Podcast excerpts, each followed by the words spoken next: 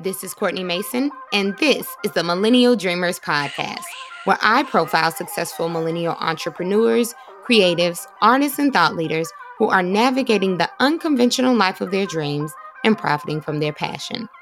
I also share inspiration and career tips to help you take the leap of faith and go after your dreams. It's no secret that people travel near and far to experience New Orleans food and culture. But today's guest does his part to bring a little bit of New Orleans to the kitchens of families around the world. You will hear from Chef Derek Robinson Jr., who at only 25 years old already owns his own restaurant and a line of Cajun seasoning blends that are not only health conscious, but delicious. I know because I purchased my own from my local grocery store. And Chef Derek definitely brings the flavor. So without further ado, let's get into it.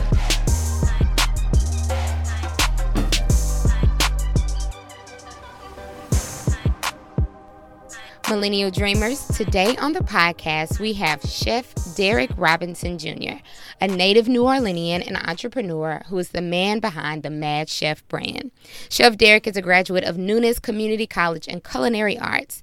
At the age of 23, he cultivated his own seasoning blends called Chef Gone Mad, which are now sold in multiple grocery stores throughout the city of New Orleans and nationally. In April 2018, Chef Derek opened his restaurant, Mad Chef, at 59th, which is located at Miracle Plaza in New Orleans East.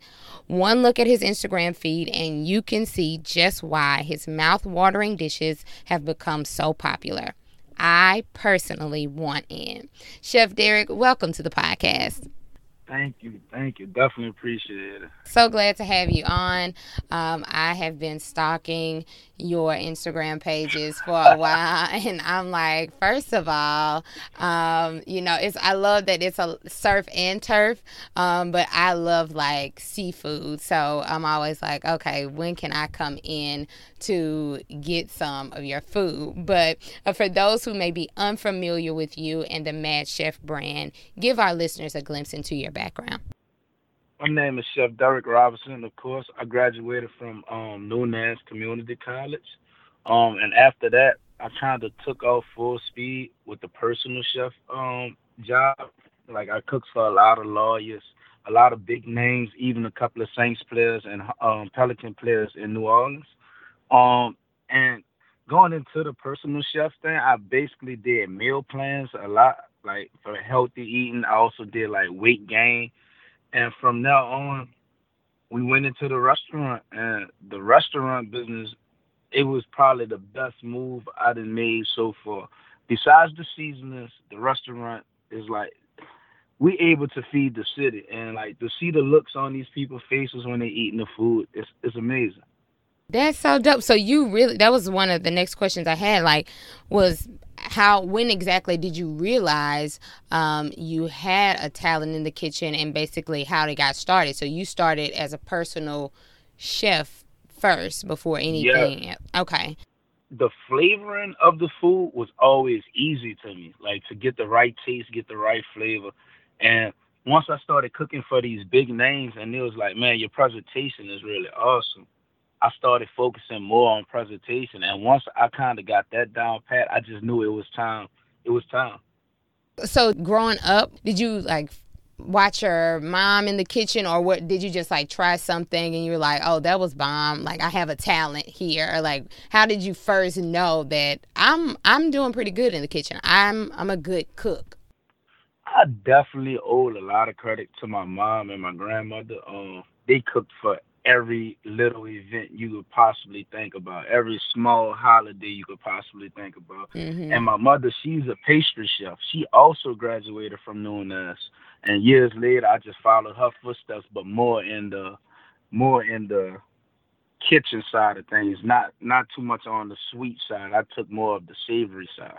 Mhm. That's awesome. Like just following your mom's footsteps. I know she's probably proud that to see the success that you've achieved so far. And what was one of the very first dishes that you perfected when you were like young, kind of starting out? Very first dish I perfected would have to be the surf and turf with the lamb chops and shrimp. Um, I I did the surf and turf with the roasted garlic mashed potatoes, a side of garlic, um, a side of garlic broccoli, and that's that's one of them dishes that I made probably for like my first fifteen to twenty private dinners. It's like once I posted on Instagram, everybody who booked me for a private dinner, that's what they wanted. So it's it was I'm gonna say I perfected that, not even on purpose. It's just that so many people demanded from me. Right, and I see, like I mentioned earlier, that that's a something that you still offer within your restaurant because if you look on the page you see the surf and turf all throughout and it's different types of dishes but it all looks so good. And so how did you get into um, being a personal chef? Because you said you know when some of your private clients will request certain dishes. How did that whole process come about?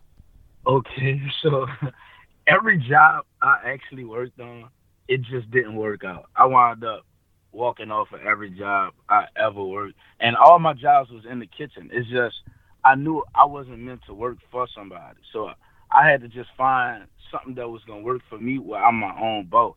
Mm-hmm. And the personal chef route was like the first thing that popped into my mind and I thought it was gonna be a tough journey, but like it was a smooth transition coming from working under a chef in a restaurant to working for yourself and booking your own events. It was easier than I thought it would be. And I mean, you knew what to do then, right? Because I think this is what I think is like everything is training ground for what you ultimately will do. So working within the Most kitchen, definitely. yeah, it's like working within Most the kitchen. You you you learn what um, how to run a restaurant. You know, kind of like if if there was a head chef, you could see kind of the moves that they were making and like, okay, I want to do this. I like the way they're doing this, or I don't like this, or it's just like everything prepares you for the journey. So you always use what you um your experiences. So okay, and so you were a personal chef and then you decided I want to transition. So what made you want to transition into entrepreneurship? Like what was that process like? Well, the seasoning blends, the Chef Gone Mad seasoning blends came about. I honestly wanted to help people, and you know, my first two seasoning blends, the Chef Gone Mad chicken and fish, and the Chef Gone Mad smoked garlic and herb, it's completely salt free. And coming from New Orleans, I know like damn near ninety percent of my family deal with high blood pressure, and I know a lot of other people that deal with high blood pressure. So my biggest goal was to um put out a product that can give you that same amount of flavor, but at the same time help you. Mm-hmm. And as as we went on with that, like the reviews and the feedback we got from it was so great, the sales was so great. We branched off and started doing seasoning oils like the ones that actually contain salt, but at the same time we use sea salt. So and, and it's still low sodium at the same time. And from there we just we started off with the restaurants and honestly I never even wanted a restaurant. One of the one of my clients that I used to I used to go around like doing the private chef thing, I used to go around like to different beauty salons and barbershops with like Pauline candy, pastas in a cup. And one of the barbershop owners that I used to deal with, he actually owned the hall next door to the barbershop. And he was turning it into a restaurant. So he took over the bar and I did the uh, restaurant part and it was all love from there. And I was his business partner for about six months. We did a six month contract and he seen the route I was going and how fast I was growing. So he offered me to buy him out and from there it's just been a blessing.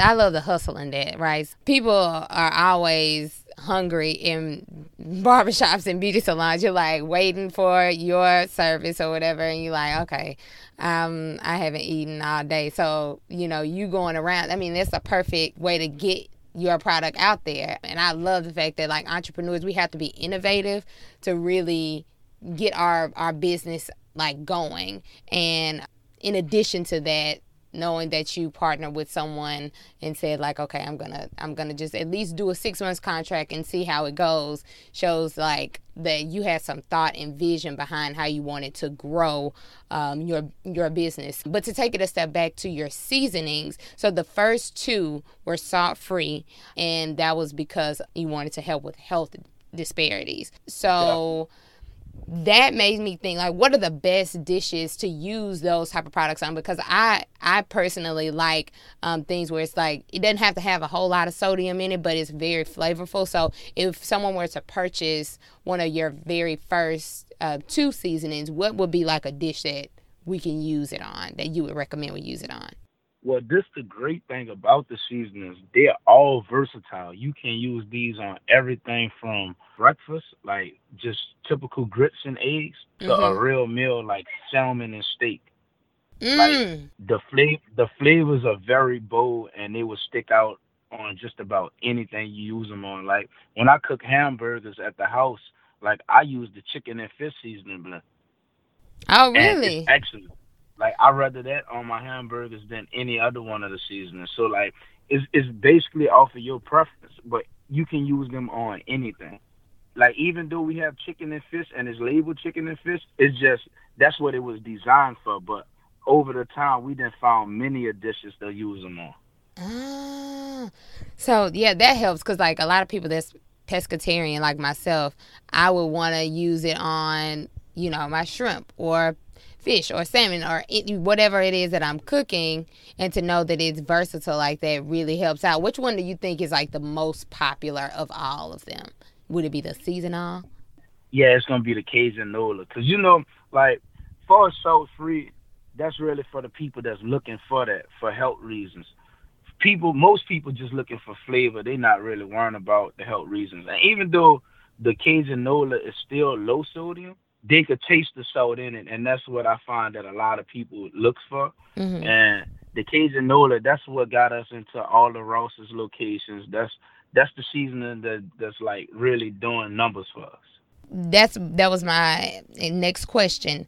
Where exactly can we find seasoning if we if we wanted to go out and support? Where where is Chef Gone Mad seasoning sold? You can find Chef Gone Mad seasoning at Rouses at all three Canseco locations. You can find it at Piggly Wiggly. You can find it at all four Budget Saver locations across the river. Um, we're at Calandro's at both of their locations in Baton Rouge. We're at Matherne's, all three Mathern supermarkets. That's the one in LaPlace and the two in Baton Rouge. We're at Kitchenola in the Riverwalk. We're at Cash Saver in Slidell and we had all the listening stores, including Food for Less in LaPlace also. And this year here, we just basically working on branching outside of Louisiana. I think that's so dope that you have it in so many stores. Like, how was the process um, getting the product into like your Rouses and all the stores that you name? Because, you know, as an entrepreneur, someone listening might say, I have a product and I kind of want to get it into a store, um, but I don't know what that process looks like. So, can you talk about how it was for you and kind of how it all came about? The beginning was hard. The beginning was hard just simply because no one knew who we were. As time went on, by the name building and like you have a lot of people on social media with big names, big followings, posting it and actually using it on a daily. Like and this is on their own. This is without promotion or anything. This is what they use every day in their house. And it's like now that the name is big, it's like we have some grocery stores that call us now. So it, it the whole process just became ten times different now. Because at first we had to really like go out there and have conversations with the store owners, the buyers, and now it's like it's a it's, it's a cakewalk. Honestly, like some stores we don't even have to do a face to face meeting. Like we just call and they didn't heard of us already, and it's smooth. It's oh who who distributed for you? Oh we distribute through such and such. Okay, we're gonna reach out to them and where we go from here. So it's like the whole process is just ten times easier now. But we finding like going into other states, it, it becomes back like it, it goes back to your beginning stages because these other states still don't know who you are. Mm-hmm. So that's what the demos. Yeah, you gotta go out there, actually cook food for them, let them taste the seasoning. Basically, just turn them into believers. Right, and creating that brand awareness and say like, this is a tried and true product. People want it. You should have it in your stores and around the country. New Orleans is known as a city that has amazing food. So, you know, it's not a hard it's not difficult for outsiders to understand why they might need something that can help them when they're, you know, wherever they may be in Dallas, in Houston, um, you know, in Georgia. This is how you can bring a little bit of New Orleans to your dishes that you prepare at home. Was there any fear that you ever had in growing your business and like going out and stepping out because sometimes fear can play a part for some business owners or early business owners to think like oh i don't know if this will really work. I might get rejected and get some no's. Was that ever something that you dealt with or were you just confident in your product to know that people are going to buy it once they know more about it? Most definitely. I mean you can have all the confidence in the world. You still gonna get them doubts. You still gonna question a lot of things, and you definitely gonna have that feel, especially just starting off. I mean, as time go on, you know, it become a smoother transition, but you definitely like it's plenty of times I just wanted to quit. I'm talking about quit everything. But I also believe if you don't quit, you will only keep succeeding. Yeah. Whether whether whether you succeed slower than the next person or not, you still succeeding, you still moving forward.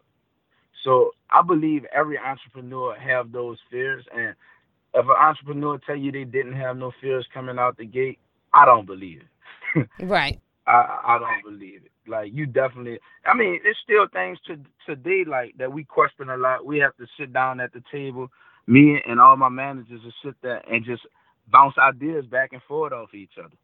You know, uh, uh, think about okay, this is still that we know we can't go at them with this approach. We're gonna have to change our approach coming talking to these people. Uh, you know, so we still deal with that today. Fear is just one of them things you're gonna deal with in business because if you move without fear, you could lose a lot. Mm, that's a word. Because it keeps you on your toes too, right? It's like Definitely. you don't get complacent. It, it keep you from moving so reckless. Yeah you like are, are cautious. Like take the risk.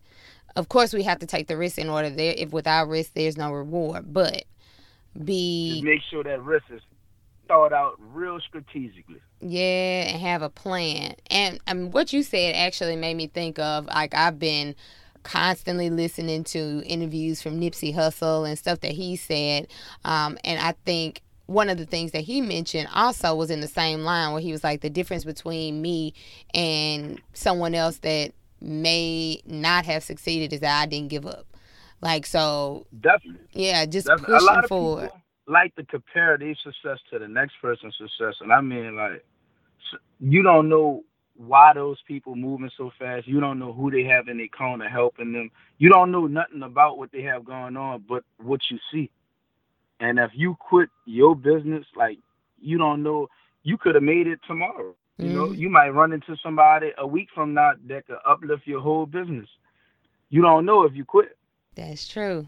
That is so true. I wanted to quit many a times. I just keep going. Man, I, I mean that that's encouragement to anyone that's out there that's like, I don't know if I'm spinning my wheels and I don't know if this is a waste of time. It's not a waste of time. Like we said in the beginning, it's you know, everything prepares you for the next level. You have to like go through those growing pains. Um, sometimes you have to get that experience in to really learn, and then before you know it, you're making traction. But I think in this day and age, and this podcast is is um, focused on millennials and our journeys of like following our dreams and things like that. And sometimes it's this idea that everything happens instantly. Like you see, like you said, someone pop in all of a sudden, and you think like, oh, they came out of nowhere, and it's like, well, no, they're probably they probably been working at whatever they're doing for a while, and you don't know, like you said, who's on their team and who's helping them to kind of like move traction. So don't think that everything there is no such thing as an overnight success. People are really like going after what they're doing or you know for some for some time. So um but to bring it back to your business so we mentioned you have mad chef at 59th so and you mentioned that starting this restaurant has really catapulted your business. So tell us about Mad Chef at 59th and and what's like on the menu there. Like if we were to walk in, um, what could we order at your restaurant? Okay, Mad Chef at 59th is a vibe that you wouldn't get at any other restaurant, and it's a different style from any other restaurant. We have food such as lobster tails, steaks, um, jumbo shrimp, you name it. We have food that's on some like some of our menu items are on some of these fine dining restaurant uh in, in on some of these fine dining restaurant menus. But the difference from Mad Chef and 59, everything come to go. It's plated to go. It's, it's a different vibe. We have the sofas in there. You come chill, kick back, relax. Most of our customers, when they come, they finish eating. They they might sit in here about an hour, two hours, just talking and drinking. It's a real vibe. Like and we known for our shrimp jambalaya tacos. This is like the best tacos in the city of New Orleans right now, hands down. I've not heard of this shrimp jambalaya tacos. Shrimp jambalaya tacos, you have to try them. This like this is a must try, like for real, for real. It's, it's our biggest selling item on the menu. Another dope thing about Mad Chef at 59, all our entrees are twenty one ninety nine. Like it's no entree under twenty one ninety nine. Okay, so people know what they will be paying once they get there. Yes. Okay. Definitely. Gotcha. I feel like, and then it's in New Orleans East. I feel like this is one of them restaurants that the city been missing for a long time. Do you have like ambitions of growing it to um, multiple stores, or you want to make this the flagship store and focus um, solely on bringing the customers to this location? Down the line, down the line, we we probably would branch off, but right now I just have to get this restaurant here all the way to how I want it. Like right now, we still remodeling certain things. Like I'm always reinvesting, so the minute we get one thing done, I done thought of something else that we could do to make it better. Something else we could do to make it better. So once I get hundred percent complete with all the changes, like right now, I'm in the midst of redoing the menu over for the third time. so once we get done with all the changes, it definitely would be, it definitely would be another Mad Chef in 59. Dope. I can't wait. Like I'm coming in to get the tacos because you already that was that was an easy sell for me. I'm like I haven't that's unique. It's something I've never heard of on a menu, and, and to know that it's your you know most successful item, I'm getting it when I come in. Um, but the one thing that I wanted to know because I love your business mind that you're like I'm I really just trying to make sure that my restaurant is right. Everything is how I want it to be and just fine tuning. Um, but what's something that you wish you would have known starting out as a business owner, starting out on this journey? Um, because I know there's challenges, like you said, there's not one person who's been successful that hasn't dealt with certain things and issues just to like get to the next level. So, what's something that you wish you would have known that you learned later on as you've uh, gone through your journey? honestly, the, the what what I wish I would have known from the beginning, I wish I would have known that it doesn't take the type of money that you think it takes to open a business. Like a lot of people think you you need a loan, you need this type of money, that type of money. It don't take that much money to open a business whatsoever. And if I knew that, I probably would have opened a restaurant a long time ago. But at the same time, if I would have opened a restaurant a long time ago, it wouldn't have meant that I'd be as successful in my, that I am now. Because, like you said, you go through everything for a reason. I love that too, because you can really. A lot. Mm-hmm. No, I'm listening. No, I'm saying you can really psych yourself out of doing something that you really want to do because of that. That I think is a part of fear as well. It's like, oh, I don't have enough money, and it's like, well, okay. Um, have you really researched how much it would cost or like so or, and can you like cut back on some things and maybe put some stuff aside so that you can do it um or do you just is it like a cop out to just say like oh it's gonna cost too much money most people most people don't even realize the money they have in the bank account at this very moment is enough to start a million dollar operation. They wouldn't even know. That blows people's mind to even hear that. They're like, "What?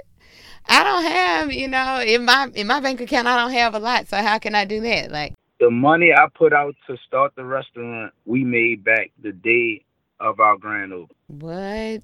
Just to get the restaurant off off their feet, off his feet, we made that back the day of our grand opening.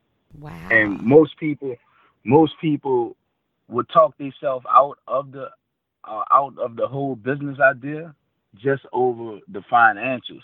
Just to think like, man, this is this isn't feasible for me, but it is. Like, and then I'm glad that you said before that you reinvest the money that you've made and kind of like because that's something that has to be done. I think um, sometimes people might think like if I start a business, I need to turn a profit and like be very successful shortly thereafter. But sometimes even if you're making money, you need to recognize that it needs to be reinvested so that you can make more.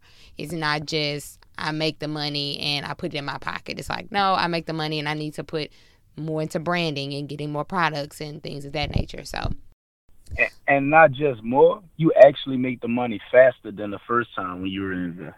Mm. So keeping that in mind, because it's hard to you know, generating it to start, like, yeah, that makes all the sense in the world. Generating it to start might be the harder thing, but once you've gotten that traction, all is necessary is to build on that because now you have that brand awareness, like you mentioned. Um, so if someone were following your journey, or if they were listening and they're thinking like, I want to start, I, I you know, I prepare meals and I do things, and I ultimately have dreams and aspirations of becoming a restaurant owner or um, having my own line of um, a product in grocery stores, uh, what advice would you give them to just kind of get their get the ball rolling and get their um, feet wet in this industry? My first advice is to be to do as much research as possible. Okay. Do as much research as possible and educate yourself as much as possible about the field that you're going into. Second, I will like for us with the products, you know, products that's trial and error. You actually have to get your recipe hundred percent right. So that's something that you can actually start on now. Like you can start getting your recipes together before you actually open the business. And for as like a restaurant, a, a, a storefront type business, it would be the same thing. Basically, you you need to do the, as much research as possible and educate yourself as much as possible. I know a lot of people like to ask other people questions and get answers, but you only getting their opinions off of things. Mm-hmm. You need to educate yourself as much as possible, like from from like real knowledge, books, things of those sorts, books, the internet. Like educate yourself and see what it's really gonna take. And far as a storefront, make sure your location and clientele make sure you have the clientele and make sure that you're in a perfect location because location can make or break you. Mm, okay. That makes sense. You have the people coming in and out if it's in a prime location and folks are kind of already in the area. They're like, oh, we can go here and eat and try this out and then word of mouth spreads after that. I'm glad you said that about research though and doing the work because there's no easy button and I think, you know, people will think like, well, give me the blueprint. What exactly did you do? And it's not like that. Like you have to you have to do the work yourself. I tell people all the time, if you take the easy route, you're gonna get easy results. Mhm. So if just a fellow dream chaser, not necessarily someone who's wants to go into the restaurant industry. It's like my the the ending question that I always ask guests because this is for anyone. Anyone listening can get um, nuggets of wisdom from you as they're listening. So, what's something that you would say to motivate someone listening to just go after their dream and not um, not be stagnant in it and to push past any fear or anything that's in their mind what's something that you would tell that person listening who's like i i'm not sure if i can do it first of all remove yourself from all negative negativity including negative people. Second of all don't let no one or nothing discourage you. And third don't quit for nothing. And when i say nothing i mean nothing. I mean things happen in people's lives that that really like you know, throw them off of focus. But don't give up, don't quit, and you're gonna keep succeeding. That's my biggest advice. a lot of people see my success and think, oh, he opened up a restaurant in a year, and yeah, but I've been working way before that year. That's just what you see. Mm-hmm. That's perfect advice. I think that's the best advice uh, to end it with. It's like don't stop. Don't look at someone else's journey and, and try to compare yourself, but most importantly, keep going no matter what. A lot of people see the direction you going in before you even see it. So they'll try to discourage you from going there because they know it's going to be greatness once you, you know, break through. And they'll try to talk you out of that. Sound crazy, but this is what goes on. Mm, they see that your potential. That's a word right there. They see your potential before you and try to dim your light, but people can't dim your light if you have a flashlight, right? My light is always going gonna stay lit. So um, I love that. And where can our listeners find you on all things social and um, information about your restaurant? Facebook, Chef Gone Mad. Instagram underscore Chef Gone Mad. And we also have the restaurant page on Instagram, Mad Chef at 59. Right. Seasoning blends could be found at www chefgonemad.com. You heard it there. Follow Chef Derek on all things social. I'm coming into the restaurant to get my plate. I want to um, to have food with you, and we could talk about it some more there. But Millennial Dreamers, you've heard it here first. This is Chef Derek on the Millennial Dreamers podcast. Thank you for tuning in. Peace. Thanks for listening to this week's episode. But before you leave, hit the subscribe button and leave a comment. We want to know what you think about the episodes that you've heard so far. Let us know by subscribing and leaving a comment. And again, thank you for tuning in. We'll talk soon. Peace.